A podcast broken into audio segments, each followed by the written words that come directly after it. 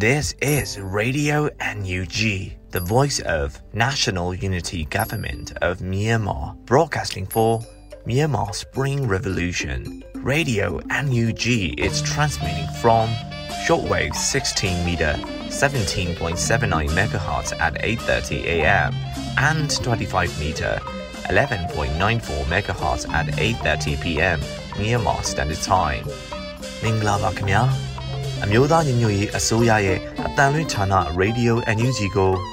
မနက်ပိုင်း၈နာရီခွဲမှာလိုင်းတို16မီတာစက္ကန့်တက်သမ9 MHz ညပိုင်း၈နာရီခွဲမှာလိုင်းတို25မီတာ17တက်သမ6 MHz တို့မှာဓာတ်ရိုက်ဖမ်းယူနိုင်နိုင်ပါပြီမင်္ဂလာအပေါင်းနဲ့ပြည့်စုံကြပါစေအခုချိန်ကစပြီး Radio NUG အစီအစဉ်တွေကိုဓာတ်ရိုက်အတန်လွှင့်ပေးနေပါပြီ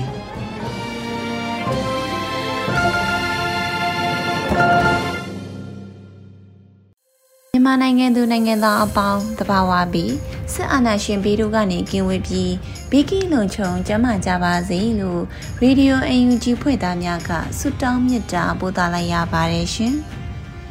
ပထမဆုံးအနေနဲ့ကာကွယ်ရေးဝန်ကြီးဌာနရဲ့စစ်ရေးသတင်းကျဉ်းချုပ်ကိုနှွေဦးအလင်ကမှတင်ပြပေးမှာဖြစ်ပါတယ်ရှင်ကာကွယ်ဝင်ကြီးဌာနအမျိုးသားညီညွတ်ရေးဆိုရမှ ဇွန်လ6ရက်နေ့2022ခုနှစ်ထုတ်ဝေတဲ့စစ်ရေးသတင်းကျဉ်းချုပ်ကိုတင်ဆက်ပေးတော့မှာဖြစ်ပါတယ်။မြေပြင်သတင်းပေးပို့ချက်တွေအရစစ်ကောင်စီတပ်သား34ဦးကြာဆုံးပြီး26ဦးဒဏ်ရာရရှိကြောင်းသတင်းရရှိပါရခင်ဗျာ။စစ်ကောင်စီနဲ့တိုက်ပွဲဖြစ်ပွားမှုသတင်းတွေကိုတင်ဆက်ပေးကြပါမယ်။ကချင်ပြည်နယ်မှာဇွန်လ9ရက်နေ့ကကချင်ပြည်နယ်ရွှေကူမြို့နယ်ပန်ခေါ်ရဲမှာအင်အား30ခန်းရှိတဲ့စစ်ကောင်စီစခန်းတစ်ခုကို KIA တမဟာရှိတရင်ငါအဖွဲ့မှတွားရောက်သိမ်းပိုက်ခဲ့ကြောင်းသတင်းရရှိပါရခင်ဗျာ။ဇွန်လ6ရက်နေ့ကကချင်ပြည်နယ်မူးညင်းမြို့နယ်အင်းတော်ကြီးဒေသနန်းမြို့မှာဟိုပီမြို့သို့ဆင်းလာတဲ့စစ်ကောင်စီအင်အား200ပါတပ်မ33စစ်ကြောင်းကို KIA KPDF ပူးပေါင်းအဖွဲ့မှမိုင်းဆွဲတိုက်ခိုက်ခဲ့ရာစစ်ကောင်စီတပ်သား12ဦးသေဆုံးသွားခဲ့ကြောင်းသတင်းရရှိပါရခင်ဗျာ။ကရင်ပြည်နယ်မှာဇွန်လ4ရက်နေ့ကကရင်ပြည်နယ်ကရင်မျိုးသားစီယုံ KNU တပ်မဟာ9နယ်မြေ ဖာပုံခရိုင်တွင် လားထွက်ကြောင်းနဲ့စစ်ကောင်စီတပ်ဖွဲ့အားကရင်မျိုးသားလူမျိုးရေးတပ်မတော် KNL တွင်ဗမာပြည်သူလူမျိုးရေးတပ်မတော် BPL တို့မှပြစ်ခတ်တိုက်ခိုက်ခဲ့ရာစစ်ကောင်စီတပ်သား2ဦးသေဆုံးခဲ့ပြီး3ဦးဒဏ်ရာရရှိသွားခဲ့ကလားနှကောင်သေဆုံးခဲ့ပြီး KNU တပ်မဟာ9ရှေ့တန်းတနေရာမှာစစ်ကောင်စီစစ်ကြောင်းအားတိုက်ခိုက်ရန် KNL ပူးပေါင်းတပ်ဖွဲ့ကကင်းပုံဝင်နေစဉ်လားထွက်ကြောင်းနဲ့စစ်ကောင်စီတပ်ဖွဲ့နဲ့တွေ့ဆုံကတိုက်ပွဲဖြစ်ပွားခဲ့ခြင်းဖြစ်ကြောင်းသတင်းရရှိပါရခင်ဗျာ။ ကီနီကယာပြည်နယ်မှာဇွန်လ9ရက်နေ့ကကီနီကယာပြည်နယ်ဒီမော့ဆိုမြို့နယ်ဒီမော့ဆိုမြို့မြို့မရက်ကွက်မှာကင်းလှည့်လာတဲ့စစ်ကောင်စီက DMO PDF နဲ့အလဲပိုင်းတိုင်း1100နှစ်တရင်မှပူးပေါင်းပြီးတနအီခန့်ကြာအောင်တိုက်ခိုက်ခဲ့ရာစစ်ကောင်စီတပ်သား6ဦးသေဆုံးခဲ့ကစစ်ကောင်စီဘက်မှလက်နက်ကြီးများနဲ့ရန်တမ်းပစ်ခတ်ခဲ့တဲ့အတွက်ကြောင့်ပြည်သူနေ3လုံးထိခိုက်ပျက်စီးခဲ့ကြောင်းသတင်းရရှိပါရခင်ဗျာ။ ဇွန်လ6ရက်နေ့ကကီနီကယာပြည်နယ်ဒီမော့ဆိုမြို့နယ်ပူပါကျွာအတွင်းမှာပစ္စည်းယူရန်ပြန်လာတဲ့ရွာသားတချို့အားစစ်ကောင်စီတပ်သားများကပစ်ခတ်ခဲ့ပြီး KNDF B0 စစ်အဖွဲ့ကတွားရောက်၍စစ်ကောင်စီတပ်နဲ့ထိတွေ့တိုက်ပွဲ45မိနစ်ခန့်ဖြစ်ပွားခဲ့ပြီးထိခိုက်ဒဏ်ရာရရှိမှုအားအတိမပြုနိုင်သေးကြောင်းသတင်းရရှိပါရခင်ဗျာ။ဇွန်လ၄ရက်နေ့ကကီနီကယာပြည်နယ်ဒီမော့ဆိုမြို့နယ်ဒေါ်ပိုစီကျွရဘက်မှလာတဲ့စစ်ကြောင်းနှစ်ကြောင်းနဲ့ဟိုဖိတ်ဆိုင်ကွင်းဘက်မှလာတဲ့စစ်ကြောင်းတစ်ကြောင်းဖြင့်ရောက်ရှိလာတဲ့စစ်ကောင်စီစစ်ကြောင်း၃ကြောင်းနဲ့ KNDF B09 တပ်တို့ထိတွေ့တိုက်ပွဲဖြစ်ပွားခဲ့ကြောင်းသတင်းရရှိပါရခင်ဗျာ။ဇွန်လ9ရက်နေ့ကကီနီကယာပြည်နယ် ဒီမော့ဆိုမြို့နယ်ဒေါ်ပိုစီကျွရနီးစစ်ကောင်စီများဘုံခိုရာနေရာ KNDF B09 ဖွဲ့ကပျောက်ကြားတိုက်ခိုက်မှုပြုလုပ်ခဲ့ရာစစ်ကောင်စီတပ်သား10ဦးထပ်မံထိခိုက်ဒဏ်ရာရရှိခဲ့ကြောင်းသတင်းရရှိပါရခင်ဗျာ။ဇွန်လ9ရက်နေ့ကကီနီကယားပြည်နယ်ပရူဆိုမြို့နယ်ပရူဆိုမြို့စစ်ကောင်စီရဲ့ခမာယ428ကိန်းနဲ့ပရူဆိုမြို့မှာရဲစခန်းအား KNDF B04 KNDF B08 နဲ့ပရူဆို PDF ပူးပေါင်းတပ်ဖွဲ့တို့မှတွားရောက်တိုက်ခိုက်ခဲ့ရာ စစ်ကောင်စီဘက်မှတူးသေးဆုံးကြောင်းနဲ့ထိခိုက်ဒဏ်ရာအများအပြားရရှိသွားခဲ့ကြောင်းသတင်းရရှိပါရခင်ဗျာ။စကိုင်းတိုင်းမှာဇွန်လ6ရက်နေ့ကစကိုင်းတိုင်းမြောင်မြို့နယ်မြစ်တာကျွရသူဝင်ရောက်နေတဲ့စစ်ကောင်စီတပ်သားများဟာကြေးရွာမှာထွက်ခွာရန်ပြင်ဆင်ချိန်ဒေသခံတော်လိုင်းတပ်ပေါင်းစုမှမိုင်းဆွဲတိုက်ခိုက်ခဲ့ကြောင်းသတင်းရရှိပါရခင်ဗျာဇွန်လ3ရက်နေ့ကစကိုင်းတိုင်းမြောင်မြို့နယ်ကြောက်တန်းကျွာ၌စစ်ကြောင်းထိုးလာတဲ့စစ်ကောင်စီတပ်သားများနဲ့ဒေသခံကာကွယ်တပ်ဖွဲ့တို့ထိတိတိုက်ပွဲအနည်းငယ်ဖြစ်ပွားခဲ့ပြီး CDSON အဖွဲ့မှ drone လက်နက်ကြီးများနဲ့ပစ်ခတ်တိုက်ခိုက်ခဲ့ရာစစ်ကောင်စီတပ်သား2ဦးသေဆုံးခဲ့ကအများပြားထိခိုက်ဒဏ်ရာရရှိသွားခဲ့ကြောင်းသတင်းရရှိပါရခင်ဗျာဇွန်လ9ရက်နေ့ကစကိုင်းတိုင်းမင်းကင်းမြို့နယ်တောင်တွင်းဒေသကြော်ကျွေးရွာမှာအထိုင်ချနေတဲ့စစ်ကောင်စီတပ်သားများထိုးစစ်ဆင်ရန်လှုပ်ရှားနေစဉ်တောင်တွင်းပကပတပ်ဖွဲ့နဲ့ TPDF ပူးပေါင်းတပ်ဖွဲ့တို့ပူးပေါင်းတိုက်ခိုက်ခဲ့ရာစစ်ကောင်စီများဒဏ်ရာတချို့ရရှိခဲ့ပြီးတက်ဆုပ်သွားခဲ့က လမ်းဘေးရှိနွားတကောင်အားပြစ်တက်ထားခဲ့ကြောင်းသတင်းရရှိပါရခင်ဗျာမွန်ပြည်နယ်မှာဇွန်လ9ရက်နေ့ကမွန်ပြည်နယ်တထုံမြို့နယ်တိန်စိတ်တိုက်နယ်ရှိစစ်ကောင်စီရဲ့ဝီယော့စကန်အား KNL တပ်မဟာ1တရင်နှင့်တပ်မဟာ1 PDF ပူးပေါင်းအဖွဲ့တထုံ PDF ဘီလင်းမြို့နယ်ပြည်သူ့ကာကွယ်တပ်ဖွဲ့ပကဖာတို့မှလက်နက်ကြီးလက်နက်ငယ်များနဲ့တွားရောက်တိုက်ခိုက်ခဲ့ပြီးစစ်ကောင်စီဘက်မှအကြဆုံးများနိုင်ပြီးအတိအကျစည်ရင်မသိရှိရသေးကြောင်းသတင်းရရှိပါရခင်ဗျာ မကွေးတိုင်းမှာဇွန်လ၄ရက်နေ့ကမကွေးတိုင်းပေါက်မြို့နယ်ပေါက်တီးချောက်လမ်းပိုင်းရှိရွာသားကြီးရွာနယ်တီးချောက်ကျွာကြားရှိ SPGF တက်ခွဲတင်မှစစ်ကောင်စီတပ်ရဲ့လက်ပါစီပြူစောတီကားတစ်စီးနဲ့ဆိုင်ကယ်၃စီးကိုမိုင်းဆွဲတိုက်ခိုက်ခဲ့ရာစစ်ကောင်စီတပ်သားတဦးသေဆုံးခဲ့ပြီးရှစ်ဦးဒဏ်ရာရရှိခဲ့ကြောင်းသတင်းရရှိပါရခင်ဗျာဇွန်လ9ရက်နေ့ကညနေပိုင်းမှာမကွေးတိုင်းကံကောမြို့နယ်ပလဲကံကောလန်မဲရွာနီမှာရောဒေတာပြည်သူ့ကာကွယ်တပ်ဖွဲ့ YPDF YRPA တရင်တီတက်ခွဲနှိမရဲဘော်များနဲ့ကြီးရွာကာကွယ်အဖွဲ့ဝင်များပူးပေါင်းပြီးစစ်ကောင်စီရင်နှန်းကိုရှေ့ထွက်မိုင်းလေးလုံးနဲ့မိုင်းဆွဲတိုက်ခိုက်ခဲ့ရာနှလုံးပေါက်ကွဲခဲ့ပြီးစစ်ကောင်စီကဒစည်းထိခိုက်ပျက်စီးသွားခဲ့ကကားပေါ်ပါစစ်ကောင်စီတပ်သား9ဦးကျော်ထိခိုက်ဒဏ်ရာရရှိသွားခဲ့ကြောင်းသတင်းရရှိပါရခင်ဗျာဇွန်လ6ရက်နေ့ကမန္တလေးတိုင်းမြင်းချံမြို့နယ်ရှိမြင်းချံဘူတာမှာအဆောင်ကျနေတဲ့စစ်ကောင်စီလက်အောက်ခံရဲများအား နထိုးကြီး People Defense ဘုတ်အဖွဲ့မှပြစ်ခတ်တိုက်ခိုက်ခဲ့တဲ့အတွက်ကြောင့်တက်ကြက်အဆင့်ရှိထွန်းထွန်းမျိုးခေါ်မှုံကြီးနဲ့ဒုတက်ကြက်အဆင့်ရှိဥခင်မောင်ဝေခေါ်ဥကောက်ရတို့ထိခိုက်ဒဏ်ရာရရှိသွားခဲ့ကထိုပြစ်ခတ်မှုကြောင့်ရန်အောင်မြေဖျားရှိရှိလူငယ်နှူအားစစ်ကောင်စီများကဖမ်းဆီးသွားခဲ့ကြောင်းသတင်းရရှိပါရခင်ဗျာဆက်လက်ပြီးစစ်ကောင်စီကကျူးလွန်တဲ့ရာဇမှုတွေကိုတင်ဆက်ပေးကြပါမယ်ကချင်ပြည်နယ်မှာဇွန်လ9ရက်နေ့က ကချင်ပြည်နယ်မိုးညင်းမြို့နယ်ဟိုပင်းမြို့ထုံးရီပေါကျူရမှာ NLD ပါတီဝင်တူအားစစ်ကောင်စီမှပြစ်တက်ခဲ့ပြီးအဆိုပါကျူးလွန်မှုအား PDF မှလာရောက်ပစ်ခတ်သည်ဟုဆိုကစစ်ကောင်စီမှဝါဒမှိုင်းလွှင့်နေကြောင်းသတင်းရရှိပါရခင်ဗျာကရင်ပြည်နယ်မှာဇွန်လ6ရက်နေ့ကကရင်ပြည်နယ်မြဝတီမြို့နယ်လေးကေကော်မြို့တင်မှာဖမ်းဆီးခံခဲ့ရတဲ့ AR တိုင်းသား12ဦးကိုစစ်ကောင်စီလက်အောက်ခံတရားရုံးမှာထောင်ဒဏ်9နှစ်ချမှတ်လိုက်ကြောင်းသတင်းရရှိပါရခင်ဗျာ စကိုင်းတိုင်းမှာဇွန်လ4ရက်နေ့ကစကိုင်းတိုင်းကတာမြို့နယ်ငလူတုံးကျွော်သူစစ်ကောင်စီတပ်သား80ခန့်ဝင်ရောက်ခဲ့ပြီးလူနေအိမ်များကိုဖျက်ဆီးသွားခဲ့ကြောင်းသတင်းရရှိပါရခင်ဗျာဇွန်လ6ရက်နေ့ကစကိုင်းတိုင်းမြင်းမူမြို့နယ်ကံပြားကျွော်ဘုံကျောင်းမှာစစ်ကောင်စီတပ်သားများဟာပြည်သူများကိုဖမ်းဆီးခဲ့ပြီးဖျားအာယုံခံတစောင်းနဲ့တော်ကြောင်အားမိရှုဖျက်ဆီးခဲ့ကဖမ်းဆီးခံပြည်သူများထဲမှာမိန်းကလေးများကိုပြန်လွှတ်ပေးပြီးယောက်ျားလေးများအားပြေးခိုင်းပြီးနောက်မှာတနက်နေ့လိုက်လံပစ်ခတ်ခဲ့တဲ့အတွက်ကြောင့် ၄ဦးသေဆုံးခဲ့ကတူဦးတန်ရာဖြင့်ပြန်လည်လွတ်မြောက်လာခဲ့ပြီးဒေသခံကာကွယ်အဖွဲ့မှစေကူတာပေးလျက်ရှိကြောင်းသတင်းရရှိပါရခင်ဗျာဇွန်လ6ရက်နေ့ကသကိုင်းတိုင်းကံပလူမြို့နယ်နှောကုန်းကျေးရွာသို့စစ်ကောင်စီတပ်သား ပြူစောထီများဝင်ရောက်ခဲ့ပြီးကျေးရွာနေများကိုမိရှုဖျက်ဆီးနေတဲ့အတွက်ကြောင့်ကျေးရွာသူရွာသားများထွက်ပြေးတိမ်းရှောင်နေရကြောင်းသတင်းရရှိပါရခင်ဗျာတနင်္လာရီတိုင်းမှာဇွန်လ9ရက်နေ့ကတနင်္လာရီတိုင်းတနင်္လာရီမြို့နယ်လေတစ်ကျေးရွာနောက်ဘက်မှာစစ်ကောင်စီတပ်သားပြူစောထီအင်အား60ခန့်ကျေးရွာထဲသို့ဝင်လာပြီးအရသားလေးဦးကိုကျိုးဖြင့်ချီနှောင်၍ဖမ်းဆီးခေါ်ဆောင်သွားခဲ့ကြောင်းသတင်းရရှိပါရခင်ဗျာဇွန်လ9ရက်နေ့က တနင်္သာရီတိုင်းတနင်္သာရီမြို့နယ်လေသစ်ရွာဘက်မှာစစ်ကောင်စီများကလက်နက်ကြီးများနဲ့ပစ်ခတ်နေကြောင်းသတင်းရရှိပါရခင်ဗျာနေပြည်တော်မှာမေလ31ရက်နေ့က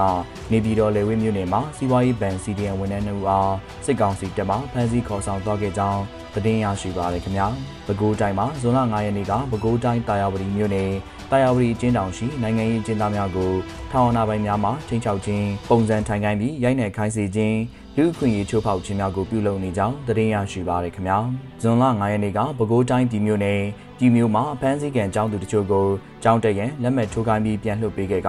ပြည်မြို့မှာလူမှုကွန်ရက်အသုံးပြုမှုနဲ့ပတ်သက်၍စစ်ကောင်စီရဲ့ဖမ်းဆီးခြင်းခံခဲ့ရတဲ့အကြောင်းသူများတွေမှာအချို့မှာ ယခုရက်ပိုင်းတွင်ပြန်လည်လွတ်မြောက်လာခဲ့ကြပြီးအများစုမှာကြောင်းပြန်တက်စီရန်အတွက်လက်မှတ်ထိုးခဲ့ရကြောင်းသတင်းရရှိပါရခင်ဗျာမွန်ပြည်နယ်မှာဇွန်လ9ရက်နေ့ကမွန်ပြည်နယ်တထုံမြို့နယ်စစ်ကောင်စီရဲ့ခမာယာအမှတ်9စခန်းမှာတထုံမြို့နယ်ထုံးဘိုကြီးနဲ့ထုံးဘိုလေးကျေးရွာအတွင်းသို့ဇွန်လ10ရက်နေ့မှစတင်၍တနေ့လျင်လက်နက်ကြီးအလုံး90ကျော်ပစ်ခတ်လျက်ရှိပြီး2020ဇွန်လ1ရက်နေ့၌ KNU မှဖမ်းဆီးထားတဲ့ခမာယာအမတ်ကူစကန်မှာစစ်ကောင်စီတပ်ဖွဲ့ဝင်ဗိုလ်ကြီးကျော်စင်ထက်နဲ့ တက်ကြကြီးနိုင်ဦးတို့နှုတ်ကိုပြန်မလွတ်သဖြင့်ယခုကဲ့သို့ကြေးရွာများအတွင်းလက်နက်ကြီးပစ်ခတ်နေခြင်းဖြစ်ကြောင်းနဲ့လက်နက်ကြီးပစ်ခတ်မှုကြောင့်ထုံးမုတ်ကလေးကြေးရွာမှာအသက်80အရွယ်အမျိုးသားတူဒဏ်ရာရရှိခဲ့ပြီးလူနေနှလုံးပျက်စီးခဲ့ကအိမ်မွေးဝက်တကောင်တေဆုံးခဲ့ပြီးလက်နက်ကြီးပစ်ခတ်မှုကြောင့်တင်းရှောင်နေရတဲ့စစ်ဘေးရှောင်ရေးအတွက်ကိုစုံစမ်းလျက်ရှိကြောင်းသတင်းရရှိပါရခင်ဗျာမကွေးတိုင်းမှာဇွန်လ9ရက်နေ့ကမကွေးတိုင်းကံကောမြို့နယ်ပလဲကံကောလမ်းပေါ်ရှိမဲရွာ၌အိမ်အောင်ကျသူခေါင်းတုံရွာသားအမျိုးသားတူနဲ့ ပေါ်လေရွာမှအမျိုးသားလေးဦးတို့ကိုစစ်ကောင်စီမှဖမ်းဆီးခဲ့ကြောင်းသတင်းရရှိပါရခင်ဗျာဇွန်လ9ရက်နေ့ကမကွေးတိုင်းကံကောမြို့နယ်ပလဲကံကောလမ်းပေါ်ရှိညောင်လေခေါင်းတုံမဲရွာများကိုစစ်ကောင်စီတပ်မှဇွန်လ2ရက်မှ4ရက်နေ့ထိမိရှို့ဖျက်ဆီးခဲ့ပြီးခေါင်းတုံရွာ၌အင်ဂျီ100ခန့်မဲရွာ၌အင်ဂျီ၄လုံးညောင်လေရွာ၌အင်ဂျီ3လုံးမိရှို့ခံခဲ့ရတဲ့အပြင်ဖမ်းဆီးတပ်ဖြတ်ခံရသူညောင်လေရွာမှ9ဦး ခေါင်းတုံရွာမှမတန်ဆွမ်းသူပါဝင်3ဦးဖမ်းဆီးခံခဲ့ရကြောင်းသတင်းရရှိပါရခင်ဗျာမန္တလေးတိုင်းမှာဇွန်လ9ရက်နေ့ကမန္တလေးတိုင်းစင်ကူမြို့နယ်ထုံးကြီးရွာရှိဘက်ရှိကံချောင်းတရားနီးမှာစစ်ကောင်စီများမှမိုင်းတွေ့တဲ့အတွက်ကြောင့်ထုံးကြီးဒေသခံပြည်သူလေးဦးအားဖမ်းဆီးသွားခဲ့ကြောင်းသတင်းရရှိပါရခင်ဗျာရှမ်းပြည်နယ်မှာဇွန်လ9ရက်နေ့ကရှမ်းပြည်နယ်ရွာငံမြို့နယ်ရှိ ညံကြီးရှင်ကော်ဖီစက်ရုံဝင်းတွင်သို့စစ်ကောင်စီအင်အား30ခန့်မှဝင်ရောက်ရှာဖွေသွားခဲ့ပြီးစက်ရုံလုပ်သားအချို့ကိုဖမ်းဆီးခေါ်ဆောင်သွားခဲ့ကကင်းလေစဉ်တနက်များပစ်ပေါက်သွားခဲ့ကြောင်းသတင်းရရှိပါရခင်ဗျာဇွန်လ6ရက်နေ့ကရှမ်းပြည်နယ်မြောက်ပိုင်းကြောင်မဲမြို့နယ်ကြောင်မဲမြို့မှာမန္တလေးတိုင်းမိုးကုတ်သို့သွားရလမ်းပိုင်းရှိမိုင်းလုံရကြီးဂိတ်မှာစစ်ကောင်စီလက်အောက်ခံတပ်နဲ့ရဲများပူးပေါင်းပြီးကာသမားများထံမှငွေသိန်း10ချီအာဓမတောင်းခံနေကြောင်းသတင်းရရှိပါရခင်ဗျာ ရန်ကုန်တိုင်းမှာဇွန်လ2ရက်နေ့ကရန်ကုန်တိုင်းမင်္ဂလာတုံမြို့နယ်ပလဲမြို့တစ်လန်မြတီတာရက်ကွက်ကိုစစ်ကောင်စီမှအင်အား200ခန့်နဲ့ဝင်ရောက်စီးနင်းခဲ့ပြီးပထမဝင်ရောက်သောနေအိမ်မှာအသက်40အရွယ်အမျိုးသမီးတူကိုကျန်းပြင်မှာမှောက်ခိုင်းထားကတိမ်လုံးကိုစိတ်ကြိုက်မွေးနှောက်ခဲ့ပြီးချွတ်ထားသောဆွဲကျူလက်စွပ်မှတ်ပုံတင်နဲ့ပတ်စံအိတ်ထဲမှပတ်စံများကိုယူဆောင်သွားခဲ့ကလိုင်းပေါ်တပ်ပုံရိုက်တင်မှာကပြန်လာဖမ်းမိဟုချင်းချောက်ပြောဆိုသွားခဲ့ကြောင်းထို့နောက်သုံးအိမ်ကျော်မှအမျိုးသားတူနဲ့ အမျိုးသမီးတူကိုဖမ်းဆီးသွားခဲ့ကြောင်းသတင်းရရှိပါရခင်ဗျာ AR တိုင်းမှာဇွန်လ6ရက်နေ့က AR တိုင်းဘုကလေးမြို့နယ်ဘုကလေးမြို့ညီနောင်ကြီးရွာမှာပြူစောတိကောင်းဆောင်မောင်မြင့်တနက်နဲ့ပြစ်ခတ်ခံရမှုနဲ့ပတ်သက်ပြီးဆွဆွဲဖမ်းဆီးသူ6ဦးဒေါ်လာဝင်းမတ်ချမ်းဝေလင်ဦးတင်စိုးဦးအောင်တန်းထီဦးကျော်ကျော်ဦးဝင်းထေတို့အားမေလ30ရက်နေ့၌ပုံမှန်300ခွန် လူတက်မှုကျွလွန်ရန်ကြံစည်မှုဖြင့်တရားစွဲခဲ့ကြောင်းတရားရုံးနဲ့နှီးဆက်သူတချို့ထံမှသိရှိရကြောင်းသတင်းရရှိပါရခင်ဗျာဇွန်လ6ရက်နေ့က AR တိုင်းပတ်တနော်မြို့နယ်မြေဝအုပ်စုတောင်ကြီးကျွာနေအုပ်ချုပ်ရေးမှုကျော်ဆန်းနဲ့တပည့်များဖြစ်ကြတဲ့တန်းစော်ဦးနဲ့အောင်ကျော်ဦးတို့မှညအချိန်ကျော်ဖြတ်တန်းသွားလာနေတဲ့အနီးနားပတ်ဝန်းကျင်မှာရွာသူရွာသားများအားဒဏ်ငွေ9000ကျပ်တောင်းနေပြီးတရားမဲ့အနိုင်ကျင့်မှုများပြုလုပ်နေကြောင်းသတင်းရရှိပါရခင်ဗျာဇွန်လ6ရက်နေ့က AR တိုင်းဝါခေမာမြို့နယ် တရားရုံးဝင်းတွင်ဘုံပေါက်ကွဲခဲ့ပြီးနောက် CCTV ထဲမှာပါသူများမသိငောက်သူဒေသခံ25ဦးထက်မနည်းအားစစ်ကောင်စီတပ်မှဖမ်းဆီးထားခဲ့ကြောင်းသတင်းရရှိပါရခင်ဗျာယခုတင်ဆက်သွားတဲ့သတင်းတွေကိုမြေပြင်သတင်းတာဝန်ခံများနဲ့သတင်းဌာနတွေမှာဖော်ပြလာတဲ့အချက်အလက်တွေပေါ်အခြေခံပြုစုထားခြင်းဖြစ်ပါတယ်ကျွန်တော်ကတော့ຫນွေဦးလင်ပါ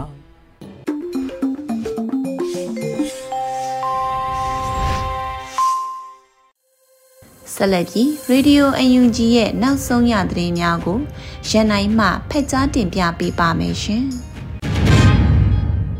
မင်္ဂလာပါခင်ဗျာခုချန်စာပေ Radio NUG မနက်ပိုင်းပြည်တွင်သတင်းများကိုတင်ဆက်ပေးပါတော့မယ်အခုတင်ဆက်ပေးမယ့်သတင်းတွေကတော့ Radio NUG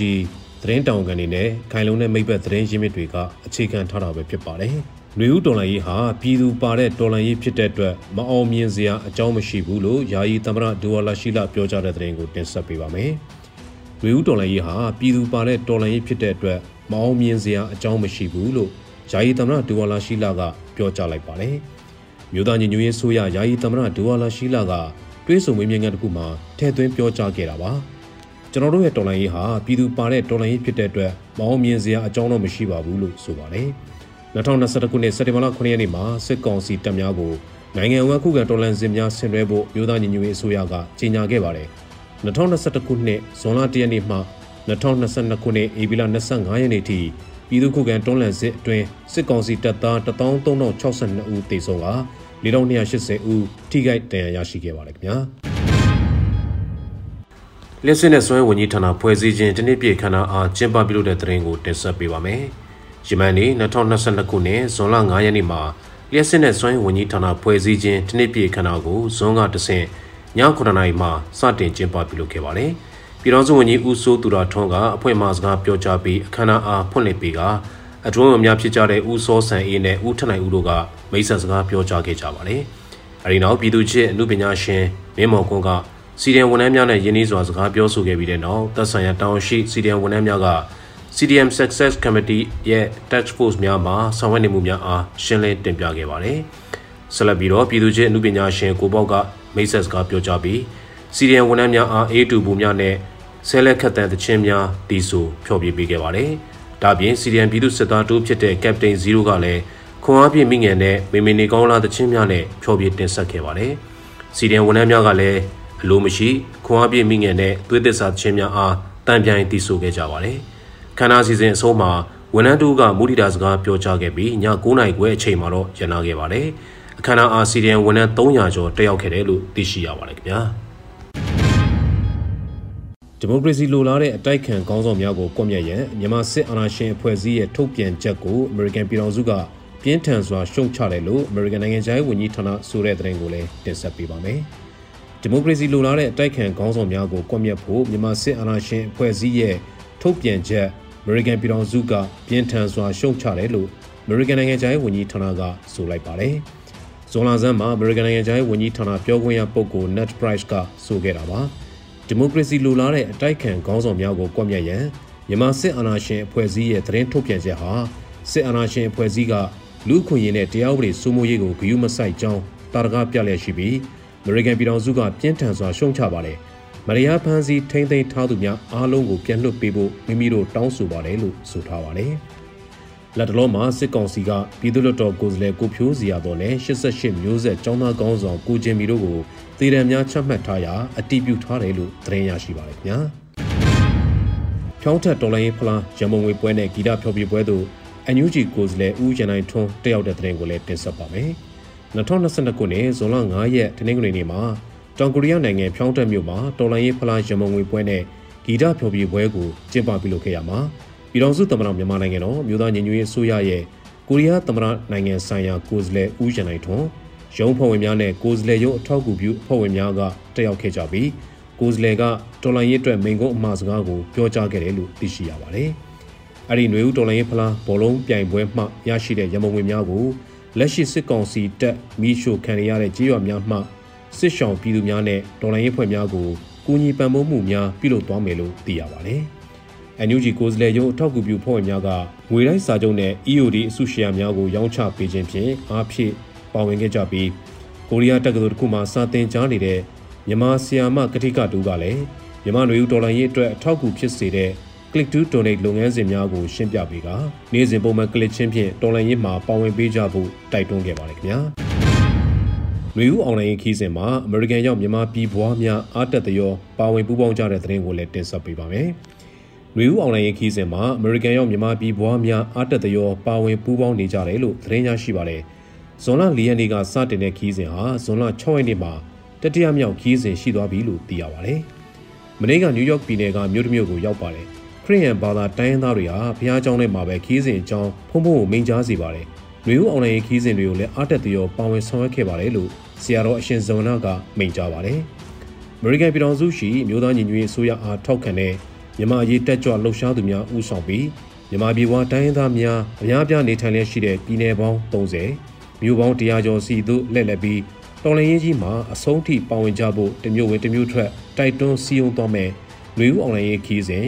Democracy Road Trade for Burma ကို2022ခုနှစ်ဇွန်လ4ရက်နေ့မှာစတင်ခဲ့ပါတယ်။အထက်ပါအစီအစဉ်နဲ့အတူ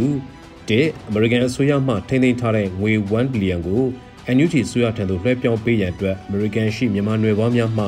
in person ကိုယ်တိုင်ကိုကြ DocuSign ဖြင့်လက်မှတ်ရေးထိုးပြီးတောင်းဆိုမယ်1 million signatures for 1 billion campaign နဲ့ပြည်သူဒေါ်လာထောက်ဖို့အစီအစဉ်အတွက် PDF 2လျင်ဒေါ်လာ20မှစတင်ပြီးစုစုပေါင်းလူဦးရေ2000ပါဝင်ခြင်းဖြင့်တစ်လလျင်ဒေါ်လာ4သိန်းပုံမှန်ထောက်ပို့နိုင်မဲ့ရည်မှန်းချက်ကိုပါတပါးတည်းလှုပ်ဆောင်သွားမှာဖြစ်ပါတယ်ခင်ဗျာ။မိုးကုတ်ဖက်ဒရယ်ကျောင်းမှာတန်းခွဲအသစ်များအတွက်ကျောင်းသားသစ်လက်ခံတဲ့ရက်တိုးမြင့်တဲ့သတင်းကိုတင်ဆက်ပေးပါမယ်။ မိုးကုတ်ဖက်ဒရယ်ကျောင်းမှာတန်းခွဲအသက်များအတွက်ကျောင်းသားသစ်လက်ခံတဲ့ရက်တိုးမြင့်လိုက်တယ်လို့သတင်းရရှိပါတယ်။ဇွန်လ6ရက်နေ့မှာကြီးညာချက်အရမိုးကုတ်ဖက်ဒရယ်ကျောင်းမှာကျောင်းအနှံလိုတဲ့ကျောင်းသူကျောင်းသားအရေးအတွက်အင်မတန်များပြားနေတဲ့အတွက်ကျောင်းအနှံရက်ကို2022ခုနှစ်ဇွန်လ15ရက်အထိပြောင်းလဲတိုးမြင့်သတ်မှတ်ပေးထားတယ်လို့ဆိုပါတယ်။မိုးကုတ်ဖက်ဒရယ်ကျောင်းရဲ့ဇွန်လအတွင်းဖွင့်လှစ်မယ်လို့ကြေညာထားတဲ့တန်းခွဲအသစ်များကိုဇူလိုင်လပထမပတ်သို့ပြောင်းရွှေ့သတ်မှတ်ထားတယ်လို့သိရပါတယ်။ ယခုထိကျောင်းအနှံထားပြီးသူကျောင်းသူကျောင်းသားများအားလုံးကိုလက်ခံတင် जा ပေးမှာဖြစ်ကမိုးကုတ်ဖက်ဒရယ်ကျောင်းရဲ့တင် जा ရေးပုံစံဟာ online တင် जा ရေးစနစ်ဖြစ်ပြီးတင် जा ရေးမှာ Zone platform နဲ့ Telegram ကိုအဓိကအသုံးပြုသွားမှာဖြစ်ပါတယ်ခင်ဗျာ။ခုကမှာတော့အာနာဖီစိန်လှုပ်ရှားမှုစီဒီအမ်ပြုလုပ်ထားတဲ့ဖန်တက်ကတော်မှတတိယနှစ်တင် जा အထူးပြုကျောင်းသားတို့ကိုစစ်တပ်ကဖမ်းဆီးပြီးတပ်ဖြတ်ခဲ့တဲ့တဲ့ရင်ကိုတင်ဆက်ပေးပါမယ်။အာနာဖီဆိုင်ရဲ့လှုပ်ရှားမှုစီရီယံပြုလုပ်ထားတဲ့ ဖန်တက်ကတော်မှတတိယနှစ်တင်ချအထူးပြုကျောင်းသားတို့ကိုစစ်တပ်ကဖမ်းဆီးပြီးတပ်ဖြတ်ခဲ့တယ်လို့သတင်းရရှိပါတယ်။ဇွန်လ6ရက်နေ့မှာနိုင်ငံရေးအကျဉ်းသားများကူညီဆောင်ရှောက်ရေးအသင်း AAPP ကဖော်ပြပါတယ်။အာနာဖီဆိုင်ရဲ့လှုပ်ရှားမှုစီရီယံပြုလုပ်ထားတဲ့ဖန်တက်ကတော်ကတတိယနှစ်တင်ချအထူးပြုကျောင်းသားတို့ဖြစ်တဲ့ကိုညံဝင်းကိုအကြံဘက်စီယိုစုကဇွန်လ4ရက်နေ့မှာပြစ်ခတ်ဖမ်းဆီးခဲ့ပြီးတော့ညှင်းပန်းနှိပ်စက်ပြီးတပ်ဖြတ်ခဲ့ပါတယ်လို့ AAPP ကဆိုပါတယ်။စစ်အာဏာရှင်တော်လှန်ရေးຫນွေဦးတော်လှန်ရေးကာလအတွင်းကြာဆုံးခဲ့ရသူစုစုပေါင်းဟာ ယမန်နေ့အထိ1905ဦးရှိခဲ့ပြီဖြစ်ပါတယ်။စစ်ကောင်စီတပ်များဟာနေမျိုးများမှာရသားများပေါ်ဝရမ်းမပါဘဲဖမ်းဆီးပြီးစစ်ကြောရေးစခန်းများမှာညှင်းပန်းနှိပ်စက်တပ်ဖြတ်လည်းရှိပါတယ်ခင်ဗျာ။ကံဘလူမျိုးနယ်နှောကုန်းရွာကိုစစ်ကောင်စီတပ်ကမီးရှို့ဖျက်ဆီးခဲ့တဲ့တဲ့ရင်ကိုလည်းတင်ဆက်ပေးပါမယ်။စကိုင်းတိုင်းကပ်ဘလူမျိုးနဲ့နှောကုန်းရွာကိုစစ်ကောင်စီတပ်ကမီးရှို့ဖျက်ဆီးခဲ့တယ်လို့သတင်းရရှိပါတယ်။ဇွန်လ6ရက်နေ့မနက်ပိုင်းမှာ ကမ်ဘလူမျိုးနယ်နှောကုန်းရွာကိုစစ်ကောင်စီတပ်ကမီးရှို့ဖျက်ဆီးခဲ့ကြောင်းကောင်းဖို့တော်လိုင်းအင်အားစုကအတည်ပြုပါတယ်။စစ်ကောင်စီတပ်ကကမ်ဘလူမျိုးနယ်နှောကုန်းရွာကိုမီးရှို့ခဲ့ပါတယ်။နှောကုန်းရွာကိုနေရာအနှံ့မီးရှို့ခဲ့ကြတာပါလို့ဆိုပါတယ်။ဆိုပါရွာအား9000ပို့မှာတက်ထိုင်ထားတဲ့စစ်ကောင်စီတပ်အင်အား80ကျော်ခန့်နဲ့ရော်ပြူကုန်းရွာဇီကနာရွာနဲ့နှောကုန်းရွာဘက်ကိုဝင်ရောက်ခဲ့တာဖြစ်ပါတယ်။၎င်းတို့မီးရှို့ဖျက်ဆီးမှုကြောင့်နှောကုန်းရွာအင်ဂျီအများစုဟာမီးလောင်ဆုံးရှုံးခဲ့ရပါတယ်ခင်ဗျာ။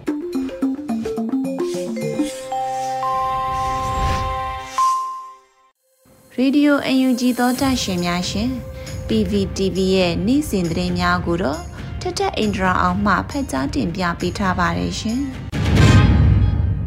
ဆက်လက်တင်ဆက်ပေးမှာကတော့တိုင်းသားဒေသကကျောင်းတွေမှာကျောင်းသားတွေအပြည့်အကျက်ဖြစ်နေတယ်လို့ပညာရေးဝန်ကြီးဌာနဒုဝန်ကြီးဂျာထရပန်ပြောကြားလိုက်တဲ့ဆိုတဲ့သတင်းမှာ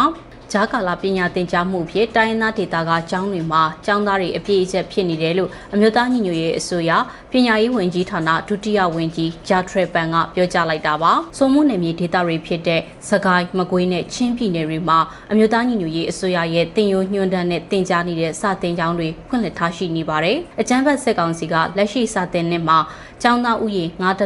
တန်းလောက်တက်ရောက်မယ်လို့ဆိုထားပြီးတော့ ဝါရဖြန့်သတင်းစာရှင်းလင်းပွဲလုပ်ထားပေမဲ့လက်တွေ့မှာအဲ့ဒီစည်ရင်ကကြောင်းတက်မဲ့ကျောင်းသားဦးရေရဲ့ထက်ဝက်တောင်မရှိဘူးလို့လည်းဒုဝေကြီးကထောက်ပြထားပါတယ်။ကိုဗစ်မဖြစ်ခင်နောက်ဆုံးစာတင်နှစ်မှာ2019-2020စာတင်နှစ်ရဲ့ကျောင်းသားဦးရေက9တန်းကျော်ရှိပါတယ်။အဲ့ဒီနှစ်မှာ KG က8သိန်း2000ကျော်ရှိပါတယ်။ KG ထပ်တွန်းနှုန်းက8သိန်းနဲ့တတန်းကျော်ကိုတွက်မယ်ဆိုရင်တစ်နှစ်ကို KG တတန်းနှုန်းတိုးတယ်ဆိုရင်ဒီနှစ်ထဲမှာ12တန်းလောက်ရှိရမှာဖြစ်ပါတယ်လို့ဒုဝန်ကြီးဂျာထရပန်ကပြောထားပါတယ်။ ဆက်လက်တင်ဆက်ပေးမှာကတော့ကမ္ဘာပတ်ဝန်းကျင်ထိန်းသိမ်းရေးနေ့အထိမ်းအမှတ်ဖြစ်အမျိုးသားညီညွတ်ရေးအစိုးရကအခြေခံပညာကျောင်းသားတွေကိုဟောပြောပွဲပြုလုပ်ခဲ့တဲ့ဆိုတဲ့သတင်းမှာ2022ခုနှစ်ကမ္ဘာပတ်ဝန်းကျင်ထိန်းသိမ်းရေးနေ့အထိမ်းအမှတ်ဖြစ်တဲ့ဇွန်လ9ရက်မှာအခြေခံပညာကျောင်းသားတွေကိုအွန်လိုင်းကနေပတ်ဝန်းကျင်ထိန်းသိမ်းရေးနဲ့ပတ်သက်တဲ့ဟောပြောပို့ချမှုတွေကိုအမျိုးသားညီညွတ်ရေးအစိုးရတယံဇာတာနဲ့တဘာပတ်ဝန်းကျင်ထိန်းသိမ်းရေးဝန်ကြီးဌာနနဲ့ပညာရေးဝန်ကြီးဌာနတို့ပူးပေါင်းပြီးတော့ပြုလုပ်ခဲ့ကြတာပါ။ အခြေခံပညာအွန်လိုင်းကျောင်းတွေမှာပတ်ဝန်းကျင်ထိန်းသိမ်းရေးဆိုင်ရာဟောပြောမှုတွေကိုမေလ25ရက်နေ့ကစတင်ပြုလုပ်ခဲ့တာဖြစ်ပြီးတော့ဇွန်လ9ရက်ကမ္ဘာပတ်ဝန်းကျင်ထိန်းသိမ်းရေးနေ့အထိပြုလုပ်ခဲ့တာလည်းဖြစ်ပါတယ်။ဟောပြောမှုတွေကိုမကအခြေခံပညာသင်ကျောင်းက69ဦး Essential Education Center 199ဦး Intravisit Education School သင်ငန်းကျော်298ဦး Lighting for Future 955ဦးတန်လီ Home Based Learning School 100ဦး မဒီယာဖက်ဒရယ်ကျောင်း84ဦးမန္တလေးဖက်ဒရယ်စကူး368ဦးတရချောင် Free Online Federal Education School 82ဦးမိုးကုတ် Federal School 150ဦးကောင်း for you Education 3000ဦးစုစုပေါင်းတက်ရောက်သူဦးရေ9000နီးပါးကကိုပဝင်းကျင်ထိန်းသိမ်းရေးနဲ့ပတ်သက်တဲ့အကြောင်းအရာတွေကိုဟောပြောခဲ့တာပါ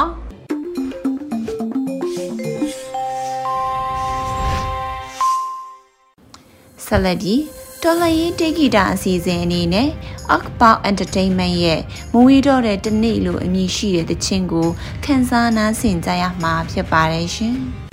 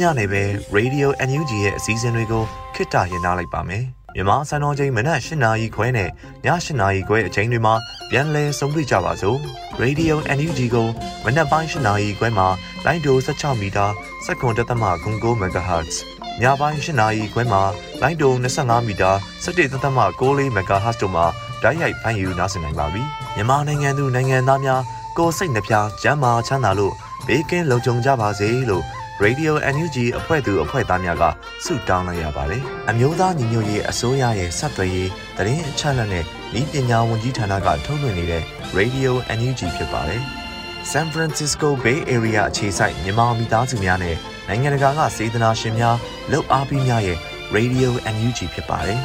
။အရေးတော်ပုံအောင်ရမည်